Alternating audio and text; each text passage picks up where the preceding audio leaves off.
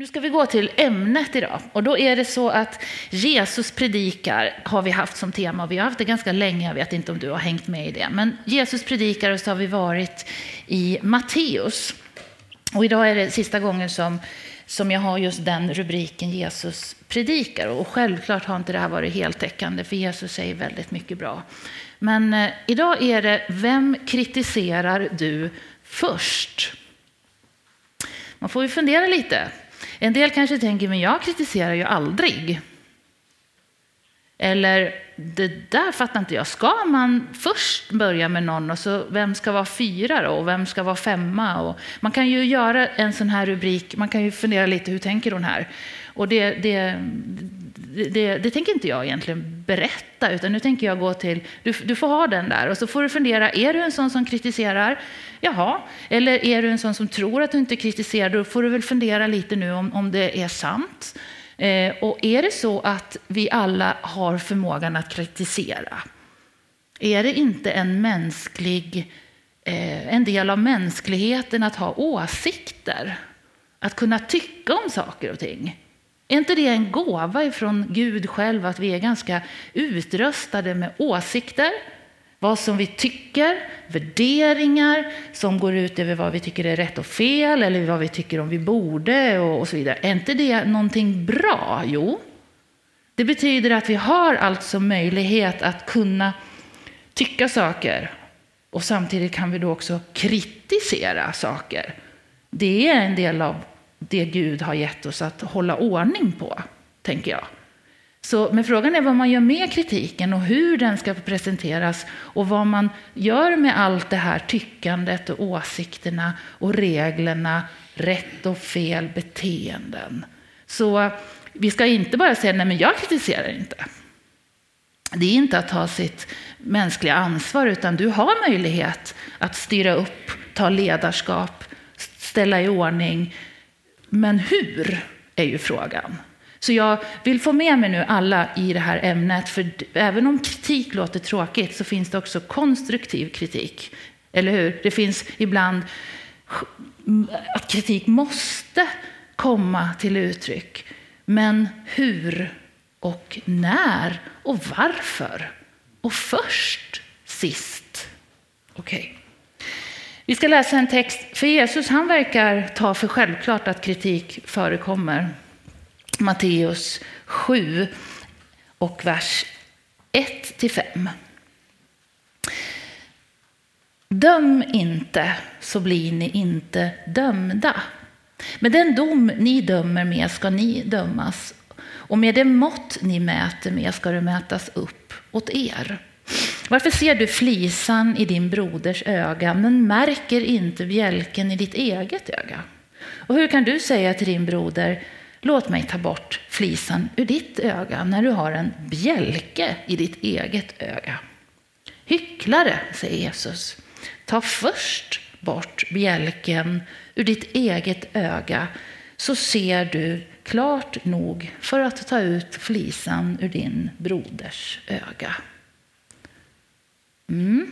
Här kan man gå in och tänka, ja, tydligen så är det så att Jesus inser att det här är ett problem, att vi dömer, dömer varandra, att vi bedömer, att vi har fördomar. Alltså ni hör dom, dom, dom. Eh, absolut, och det är som sagt eh, en del av våra skills. Vi är liksom duktiga på det, vi människor. Och det här är vårt sätt att socialisera och klara oss. Det här är vårt sätt att bygga grupper, att, att, att forma grupper, att vara ledare, att växa. Men det kan också slå. Va? Så döm inte, så säger han. Det är det första. Men om du nu ska börja... Han pratar om det här med mått. Jag har lite attiraljer med mig här idag. Jag tog med en sån halvdeciliter här. Men det mått du mäter upp med, liksom, det, det, du liksom tänker att nu ska jag ge här en liten korrigering Ja, med det mått du mäter med ska du mätas upp åt dig. Alltså du, det finns något som heter sådd och skörd. Det finns något som heter att, att man, får liksom, man får vara beredd på att om du ska hova upp lite kritik här, då får du vara beredd på att det kommer upp lite till dig också här. Eller om du kritiserar så kanske himlen tar... Alltså det här med, Jesus talar om att det gäller att inse att om man ska in i leken får man leken tåla. Alltså det finns många sätt att se på den här texten och den skulle man kunna grotta ner sig i ett bibelstudium på tror jag. Så jag låter ändå det här måttet ligga här. Alltså ska du in och mäta åt andra människor mm, så får du nog räkna med att, att det här kommer att bli en tillbakakaka. Jaha. Mm. Då får man liksom komma ihåg det i det här. Och kanske att man får vara beredd på då det här med flisan och bjälken. Det är, en ganska obehaglig bild va? i ögat. Men okej, okay, vi får ta den. Det var Jesus som sa den. Någon har en flisa där borta, men själv har du en bjälke. Ska du in i den här grejen så behöver du först se över, hallå, hallå, här, här, här inne, innan jag ger mig in och börjar rota här borta. Så egentligen kunde jag gå ner nu så har vi gjort det här klart. Den här bibelversen är det som är grunden för den här predikan. Jag tror att ni som lever i ett lite mindre samhälle än där jag kommer och bor i Stockholm, att det är också lite lättare att, att, och att det här blir kanske ännu viktigare. Man lever närmare, man har mer grejer att kunna ta upp så här, mer kunskap om varandra. Ännu viktigare att det här fungerar tror jag. Hänger ni med på den? Nära samhället, liksom det nära. Det är otroligt viktigt, säger Jesus. Döm inte, så blir inte du dömd. Om du ska in i det här, ta bort först ditt eget. Det är väldigt mycket hyckleri annars. Han är tydlig. Hycklare, säger han. Ta först och städa i ditt eget hus innan du går in och petar i andras dammråttor. Mm. Så vi lägger den där. Ja, Jesus är ju tuff och jag tänker det är det som är intressant när Jesus predikar, att man måste ju förstå att han vill ju väl, han vill att de ska utvecklas som grupp, som människor, eller hur? Jesus var Guds son, han var vägen, sa Daniel. Han är vägen, han kommer ner och han var syndfri. Han är Guds lamm, eller hur? Vi vet påsken kommer. Hur var det för Jesus? Han gick runt och gjorde alltså rätt. Han hörde från Gud på ett väldigt, liksom, han sökte Guds närhet. Det han sa var liksom vägen, sanningen och erbjöd livet. Hur var det för honom när han gick här? Mötte han åsikter? Mötte han kritik? Var han tvungen att hantera mänsklighetens liksom, tyckanden? Fast han gjorde rätt kunde folk ändå ge sig på honom. Det kan man ju undra. Hur, hur var det egentligen att vara syndfri och gå runt här? Vi ska läsa faktiskt ett, ett, fyra olika ställen i Matteus där Jesus tvingas in i åsikts eh, och, och, och kritikområdet och se vad Jesus gör. För det här är någonting som vi inte kommer undan, inte ens Jesus som gjorde rätt kom undan. Hur ska vi då tro att vi ska komma undan, vi som inte är perfekta, tänker jag. Vi går till Matteus 9. Här får Jesus kritik på någonting eh, som handlar om människovärdet. I vers 9 till 11 och 13 också. Det står så här. Jesus gick vidare därifrån och såg en man som hette Matteus sitta vid tullhuset. Enligt Lukas så är han en tullindrivare. Han är en av de som också jobbar i tullen. Det står inte i det här, men det står i Lukas evangelium. Så han ser den här mannen sitta där vid tullhuset och han sa till honom, följ mig. Då reste sig Matteus och följde honom. När Jesus sedan var gäst i Matteus hem så kom många tullindrivare, alltså hans kompisar, men också syndare och låg till bords tillsammans med Jesus och hans lärjungar. Fariséerna fick se det och frågade hans lärjungar varför äter er mästare med tullindrivare och syndare? Varför? Mm. Han, bet, han umgås med fel klienter. Alltså han, han, han umgås med syndare, publikaner, tullindrivare kanske till och med ibland med prostituerade eller med, med, med, kvinn, med, med, med lågt ställda Och han lyfter barnen. Som, vad, vad ska han bry sig om barn? Alltså han såg människan och inte det yttre. Och Jesus säger till dem faktiskt innan vi går vidare, men det är inte de friska som behöver läkare, utan det är de sjuka. Jag umgås med den som behöver mig mest. Han liksom tänkte, det var nyttoläget här. Liksom. Alla människor är viktiga, men jag vill umgås med den som behöver mig mest. Det är de som behöver mig. Och så säger han, gå och lär er vad detta betyder. Så möter han konflikten. Jag vill se barmhärtighet och inte offer. Jag har inte kommit för att kalla rättfärdiga. Jag har kommit för att kalla syndare. Jag vill se barmhärtighet, kärlek och inte offer. Mm. Det här är hämtat ifrån Gamla testamentet där Hosea skriver så här. Jag har min glädje i kärleken och inte i offer. Det finns inte på, på text. Jag har min glädje, säger Gud, i kärlek och inte i offer, i regler, i offerregler och allting. Jag har min, jag har min, jag har, det är kärleken som jag vill. Och, jag, och det är, jag, jag tycker det är bättre med kunskap om Gud eh, än brännoffer. Alltså relationen till Gud är viktigare och relationen till människan och kärleken mellan människor är viktigare än när det kommer till offer och brännoffer. Det finns en distinktion här, vad som är viktigast.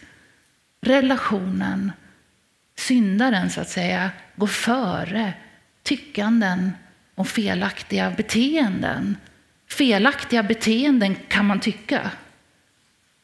Och Jesus tyckte säkert att det fanns rätt och fel som människor gjorde. Det var han ju tydlig med.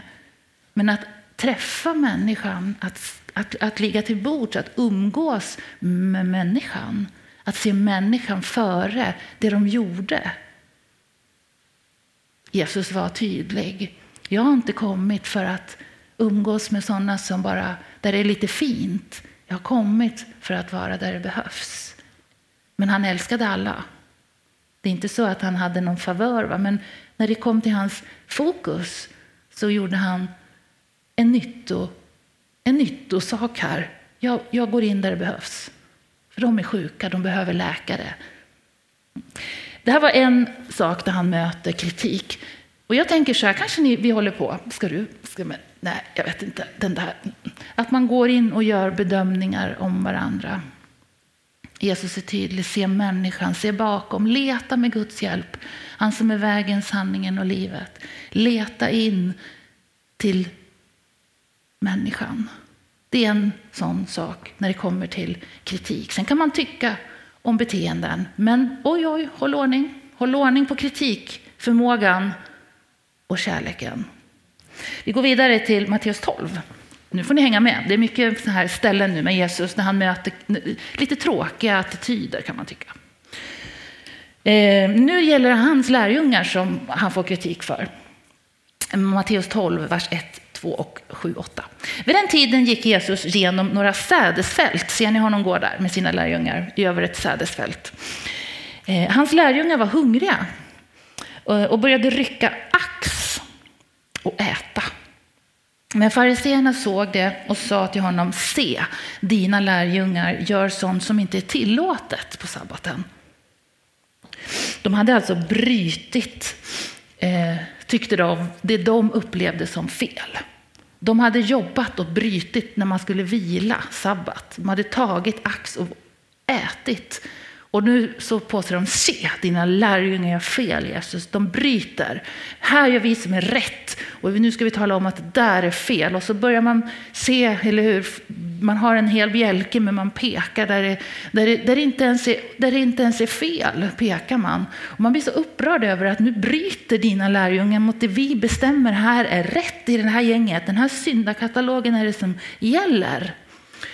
Och, och, Jesus han, han får liksom stå till svars nu för sina lärjungar. Han har gått bredvid lärjungarna, han har sett att de är hungriga, han har sett att de har brutit, han har sett att de har stoppat i munnen och att de går där och mm, försöker få lite mat. Då. Och så kommer de. Och nu så kommer han ju i ett dilemma. Hur gör man nu när man möter olika tyckanden? Vad är rätt? Vad är fel? Vad är rätt? Vad är fel? Det här har vi hållit på med hela livet i frikyrkan.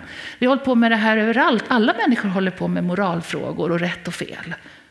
Eller hur? Det här är, det här är vår styrka. Det här är viktigt för oss. Men hur använder vi den här förmågan att veta vad som är rätt? Måste alltid jag veta exakt hur du ska... Alltså vad är viktigt? Är det barmhärtigheten eller offret? Är det liksom barmhärtigheten eller regeln som är viktigast när vi håller på? Men ska vi bara blunda? De tog ju ax. Alltså, de stoppar ju det i munnen. Det drar i fariseerna. Det står, ja, vi säger att det är fel. Ska vi bara se, ska vi blunda? Är inte det berst och bara blunda när dina lärjungar går och plockar och vi tycker att det är fel och så går de igång. Och Jesus han hör detta och han hamnar i ett dilemma. Faktum är att Mosebok, det skrivna, tillåter dem att plocka. Man får plocka från, från, från en annans åker utan att använda liksom maskin, liksom, utan att använda för mycket. Man bara får plocka bort lite så. Det får man. Men de äldstes stadgar, den muntliga traditionen efter babyloniska fångenskapen, den har bestämt att för att vi ska vara på säkra sidan, säger de skriftlärda, så måste vi göra vi gör väl så att vi får absolut inte äta någonsin. Vi, gör, vi, vi, vi, vi, vi, vi här är Mose lag skriven, men vi ökar till, så att det, vi lägger till extra lagar. Vi gör ett staket utanför den skrivna lagen så vi absolut inte hamnar på fel sida, så vi absolut gör rätt på vilodagen, så att vi absolut sköter oss. Vi gör en, vi gör en katalog som är lite större så att alla kommer och gör rätt och blir rättfärdiga och rätta inför Gud. Det här är en god intention, människans försök att sträva efter det som är gott. Men man glömde det viktiga. Jag vill hellre se barmhärtighet än offer. Jag vill hellre se barmhärtighet. Och ni ger er på dem som är oskyldiga, säger Jesus. Ser ni det? Du är oskyldig. De är oskyldiga. Ni, ni, ni, ni, ni, ni kliver och förstör. Jag vill hellre se barmhärtighet. Ja, vi går vidare. I Matteus 15 så är det dags igen. Då är det renhetslagarna som ska ifrågasättas. 15 och 1, 3 och 10. Sen kom några fariseer och skriftlärare från Jerusalem fram till Jesus och frågade varför bryter dina lärjungar mot de äldstes stadgar? Det var de här muntliga. De tvättar inte händerna innan de äter. Han svarade dem varför bryter ni själva mot Guds bud för era stadgars skull? Och så tar han upp det här med att de faktiskt bryter ett stort, eh, ett stort bud som handlar om att ta hand om sina föräldrar när de blir gamla, hedra sin far och sin mor. Eh, och istället så har de börjat att, att fiffla med pengar och säga men vi ger lite till Guds hus istället. Och på det sättet kan vi inte ge till våra Jesus går in i en, i en sak som han hade sett. Som var liksom bjälken men, han, men de gav sig in i lärjungarnas icke-tvättande. Och Jesus ställer det här och säger, se här har du en bjälke, här har du en, en oskyldig. Det är knappt en flisa, det är ingenting. Du ger in med det mått du mäter med. Och så, så, så, så sätter Jesus det här i bredvid varandra. Och så säger han, lyssna och förstå. Det är, det är liksom det som går in i munnen, det vill säga maten, det är inte det som orenar människan. Nej, det som kommer ut ur munnen, alltså orden, det är det som förstör och gör henne oren. Mm. Jesus har fullt upp med att hantera våra tyckanden. Trots att han var perfekt, trots att han inte gjorde fel, så kom han i de här situationerna. Och vi, vi känner igen oss. Jag tror du, du kommer på många olika grejer du har varit med om. Olika saker där du själv väljer. Vad är rätt? Vad är fel? Hur ska jag göra? Är det inte så? Har vi inte varit med om det här hela tiden? Och ibland går någon över gränsen. Och ibland borde någon ha gått över gränsen och sagt någonting. Eller hur? Men vi har den här förmågan, den är av Gud given, att kunna vara en grupp, att kunna vara en familj, att kunna vara ett äktenskap, att kunna vara en familj, att kunna vara en församling, ett land. Och här ska vi få plats och här ska liksom Guds rike breda ut sig. Ja, men det här gällde ju ändå fariseerna, eller hur? Hur hade han det då med de närmaste Jesus? Fick han med sig alltså de närma, till och med den innersta kretsen? Ni vet, Petrus, Jakob och Johannes. Där var det väl konfliktfritt, eller? Där var det väl ingen som sa någonting om Jesus. Eller där hade de väl, det var ju Messias, där hade de ju en tro. Eller gick det att till och med använda sin förmåga fel när man levde så nära Jesus och visste vem han var och levde som lärjunge? Ja, det funkar tydligen jättebra att gå in och domdera med Jesus.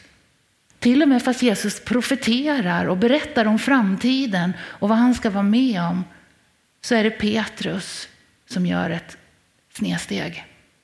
Han ifrågasätter när Jesus talar profetiskt om framtiden. Vi ska läsa det också i Matteus 16. Från den tiden, så, vers 21. Från den tiden så började Jesus förklara för sina lärjungar att han måste gå till Jerusalem och lida mycket genom de äldste och översteprästerna och de skriftlärda. Och att han skulle bli dödad och på tredje dagen, dagen uppväckt. Då tog Petrus honom åt sidan. Kom här nu Jesus. Och började tillrättavisa honom. Visst är det intressant? Petrus tar Jesus åt sidan och börjar tillrättavisa honom när han talar om att han ska gå korset till mötes. Det är som typ på palms, idag är det palmsöndag och korset ska komma. Det är som att Jesus säger jag kommer att dö för din skull på korset. Så tar han honom åt sidan och säger nej, säger han här. Va? Gud bevara dig Herre, han kommer bevara dig. Det här kommer aldrig hända dig. Han försöker tala in positivt. Korset, nej, det kommer inte hända Jesus. Man försöker vara positiv. Man försöker hjälpa Jesus. Det här är bara negativt det du målar upp nu. Det här kommer Gud att bevara dig ifrån. Gud bevarar dig. Det här kommer inte hända. Och så gör den närmaste lärjungen någonting otroligt fel. Och han får en rejäl tillrättavisning. Så här står det. Ehm men Jesus vänder sig om här och säger till Petrus, gå bort ifrån mig Satan. Du vill få mig på fall. För dina tankar är inte Guds, det är människotankar. Det är ganska hårda ord. Ja, det, får, det här kan man ju problematisera lite grann. Men det, det Jesus säger är att det här, det här luktar den onde, skulle väl Gud ha sagt. Det här luktar Eh, det här är inte sanningen. Det här var det som du var inne på Daniel, att vi måste veta vad som är Guds vilja och vad, vad som är sant och vad som är rätt. Och det som verkade uppenbart fel för Petrus här, när han tänkte sina mänskliga tankar, så tänkte jag, men du ska väl inte behöva lida Jesus, vi älskar ju dig och vi kommer att beskydda dig. Han, han trodde ju stenhårt på att han skulle hänga med hela vägen. Han försökte bara, eller hur? Han försökte tänka, han tänkte som människa. Och han lät sig vaggas in i enligt världens förstes sätt att förhålla sig till framtiden. Men Jesus, han hade talat profetiskt, han hade talat sanningen, han hade talat vägen, han hade till och med talat om det han var sänd för. Jag kommer för att dö och uppstå. Det kommer aldrig hända. Tyst, säger han till Petrus. Du talar fel. Och just det här att gå in i andras eh, vad Gud har sagt. När människor, då ska vi vara extra försiktiga när det kommer till Bibeln, när det kommer till människor som säger det här upplever jag. Andas lite. Säg inte för snabbt, jag tror inte det här. Eller du ska nog tänka och så vidare. Gå in i bön och sök Guds närhet innan du börjar tala om hur saker och ting ska vara. Det som ibland verkar uppenbart fel kan vara Guds vilja. Det som verkar uppenbart lidande kan ibland vara vägen till någonting bättre. Det är inte så lätt ibland och därför ska vi vara ledda av Guds ande. Petrus var fortfarande kompis med Jesus sen, eller hur? Han, han tog det här. Jag undrar hur han tog det. Undrar vad han gjorde efteråt. Undrar hur han skämdes eller hur han, hur han liksom kom tillbaka. Kaxig igen och sa, men tvätta hela, men ni vet ju hela Petrus berättelse. Han är fortfarande ända in i korset liksom med Jesus. Jag ska inte lämna dig. Och så gör han, han, alltså han, han försöker så mycket. Och det, det, det, når aldrig, liksom inte hela vägen förrän han får ta emot den heliga ande och det går jättebra. Men han, han har lite kvar, den här lärjungen. Så vi ska vara ödmjuka, tänker jag, som Guds folk. Handskas med varandra på ett bra sätt, på ett fint sätt. Vi lägger på den här inledningen igen. Döm inte så blir ni inte dömda. Matteus 5, 6, 7 är det. Förlåt. Döm, så blir, döm inte så blir ni inte dömda. Med den dom ni dömer med ska, ska ni dömas och med det mått ni mäter med ska det mätas uppåt er. Varför ser du flisan i din broders öga men märker inte bjälken i ditt eget? Och hur kan du säga till din broder, låt mig ta bort flisan ur ditt öga när du har en bjälke i ditt eget? Hycklare, ta först bort bjälken ur ditt eget öga. Och så ser du klart, så att du kan faktiskt få vara med och ta bort flisan som stör i grannens öga. Han tillåter oss att vara med och ta bort. Det här är vår styrka, församlingens styrka. Men det kräver en... Var ska vi vara först och titta? Jo, hos oss själva. Jag tänker att som avslutning, eh, det är ju så att, att, eh, att vi, om när man tittar på sig själv så kan man ju bli väldigt hård också. Det finns en fara när jag säger kritisera dig själv först. Och det är att du som är så lagd att du bara vill trycka ner dig själv tycker men jag är jättedålig. Och då börjar jag titta på mig själv och tycka massa saker om mig. En del har ju problem med det. Eller hur? En del har problem med att bara skylla på andra men en del tycker man är jag är ingenting, jag är värdelös. Ska jag nu börja titta och kritisera mig själv? Jaha, säger hon det? Nej. Men ska du börja någonstans så kan du åtminstone du titta på dig själv och så får du se hur ser det ut i mitt liv. Ehm, jag gjorde så här att jag tog fram lite behållare så här. Det är så att om man inser att man har någonting som kan dömas, domar står det här, alltså dom. Ja. Eh, om man har någonting i sitt liv som är fel, vad gör man med det? Jo, man går till Gud, eller hur? Man behöver inte kika speciellt länge och kritisera sig själv. Alltså, du ska inte fastna där. Utan vad du gör är att du tänker efter. Har jag någonting som jag borde förändra i mitt liv? Gud, hjälp mig. Och så går man och så går man till honom som är kärlek och barmhärtighet. Jag vill se barmhärtighet. Jag vill se kärlek och inte offer. Och man går för att få nåd. Eller hur? Det här är två skålar som man hämtar ifrån himlen. Och här får man, när man kommer som, som människa med sin egen och sett sitt elände, då hämtar man nåden och man tar emot kärleken. Och det här, det här finns, alltså Gud, han bara, man, man, man tror man ska hämta här, men han har lite mått. Han bara extra, extra. Det finns en enorm nåd ifrån himlen när man kommer med sitt lilla. Han bara säger, men välkommen, välkommen.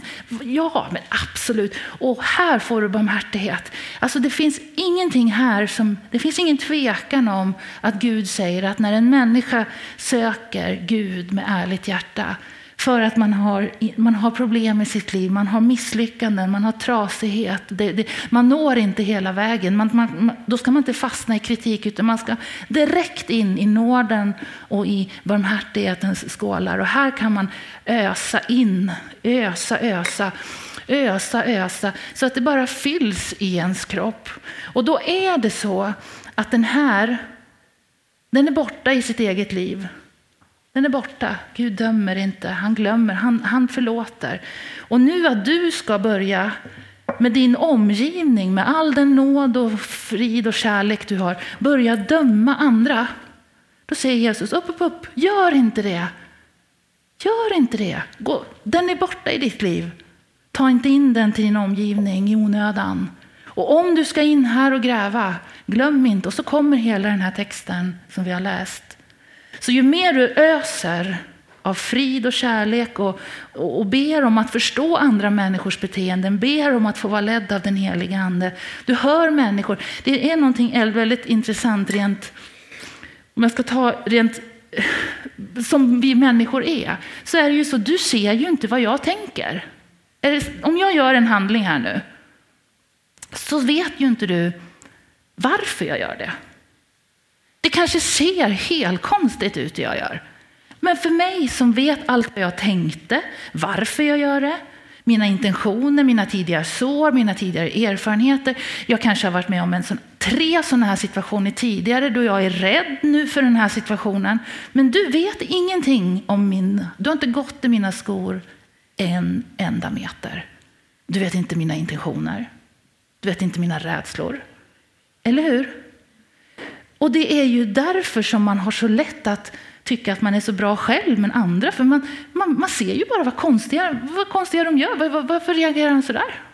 Det var väl inte så farligt? Eller vad det nu kan vara. Varför gör han så? så gör han, och så börjar vi vår bedömning, vår kritik. Men vi vet ju inte någonting om de andras resa. Deras tankar, deras intentioner, deras sår, deras smärta. Men ändå tror vi att vi kan gå in och bedöma andra människor och det är det här Jesus säger, glöm inte att du vet. Men vet ni vem, vem som vet lika mycket om oss allesammans?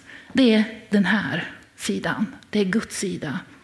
Och när vi, när vi ser att människor beter sig konstigt så att den här vill komma fram i våra liv och vi vill döma, vi vill bedöma, vi vill kritisera. Så skulle jag vilja att vi gör inte det utan vi går hit. Och så säger vi till honom som känner alla konstiga människor, även mig. Och så säger vi till honom, det här har jag problem med nu. Jag förstår inte den här reaktionen. Nu förstår inte jag varför det här hände Gud. Och nu ber jag att du ska, ska hjälpa mig att släppa eller gå vidare. Och så ber vi för relationerna här. Vi tar tid. Istället för att snabbt döma, bedöma och dra felaktiga slutsatser så ber vi om den heliga Andes vägledning att förstå reaktioner och varför människor gör som de gör. Om det går att förstå. Eller så är det därför att de inte vill. Ibland är det goda intentioner, ibland är det faktiskt synd. Men vad är vår uppgift? Är vi här för att döma? Döm inte, så blir du inte dömd. Det är inte vår uppgift, det är Guds uppgift. Det här är vår uppgift. Att hålla fred, att visa förståelse, att överträffa varandra i ömsesidig aktning, att förlåta. Det är fint vad Jesus ber Guds rike om. Och det ska vi träna på och det ska vi komma ihåg. Nu ska jag lämna den här predikan och vad Jesus predikar. Men döm så blir du inte dömd. Bedöm inte så blir du inte dömd. Fyll på med hans kärlek och hans nåd. Och var noga med ord. Speciellt när det kommer till Guds ord också. Och åsikter. Jag tycker också att det är fantastiskt att Gud har gjort oss så duktiga med analys, med förmågan att se rätt och fel. Men tänk också med den helige Ande. Vi kan bli ännu duktigare. Vi kan bli skickliggjorda. Så att vi faktiskt kan se vad människan menar och varför den gör Jag tror att den helige Ande är sänd för att hjälpa dig och mig att leva i fred. Och då vill han också ge kunskap om situationer, om människor. Han vill fylla med kärlek så att vi kan, det rinner av oss när det blir galet. Och så ser vi det äkta i varje människa. Jag tror att den heliga Ande är sänd för att hjälpa oss att leva det liv som Jesus faktiskt säger att vi ska leva. Och Det ska vi vara glada för.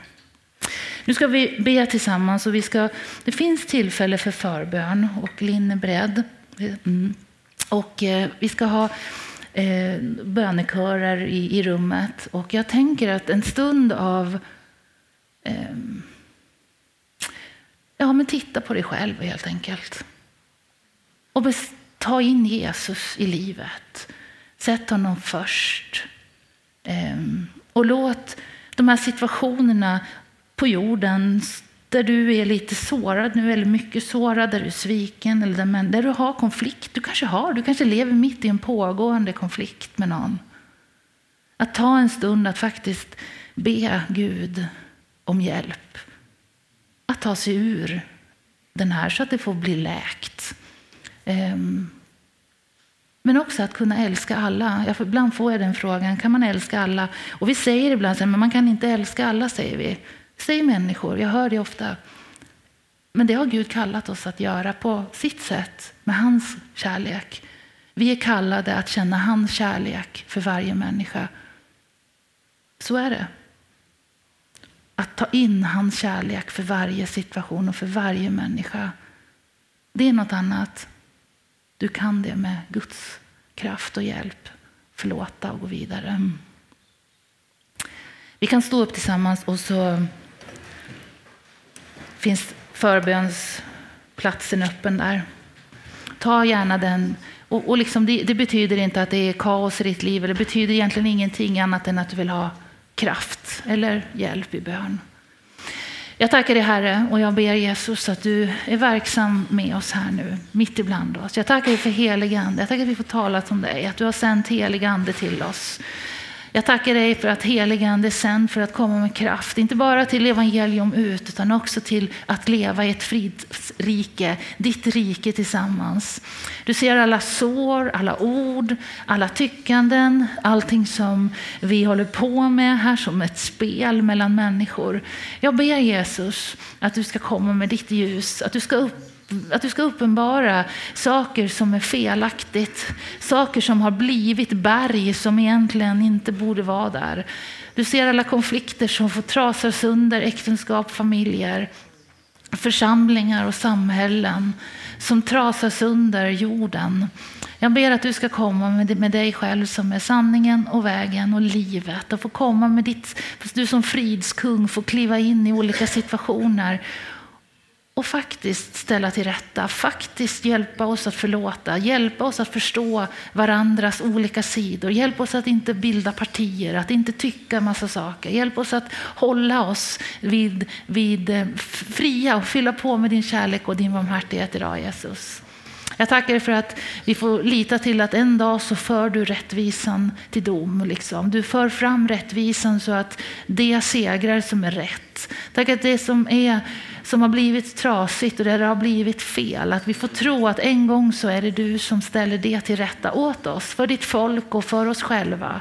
Du känner oss och vet vad som är rätt och vad som är fel i våra liv. Och du ser också situationer där vi känner att vi inte riktigt kom till vår rätt. Där vi fick ta liksom Eh, jag fick bita i det sura äpplet. jag ber Jesus att en gång så ska du föra det till, till, till, i ljuset och ställa till rätta. Hjälp oss att kunna släppa taget här och ge dig den makten. Att vara först över frid, att få kliva in i situationer och ställa till rätta. Hjälp oss att hålla oss på mattan till dess Jesus. Och hjälp oss att hålla tungan rätt i mun och huvudet klart, med fylld med dig. Tack att du ser oss var och en nu här inne och du ser situationer som har dykt upp. Du ser det som har kunnat varit historiskt kring syndkataloger och så vidare. Jag ber Herre att din nåd ska få flöda in i, i situationer och hjärtan idag. Att nåden och kärleken får lägga sig som ett täcke som läker. Att vi får släppa taget om oförrätter. Det ber vi om i ditt namn så att vi kan gå fria vidare in i, i, i den här tiden. Tackar dig för det Jesus. Amen.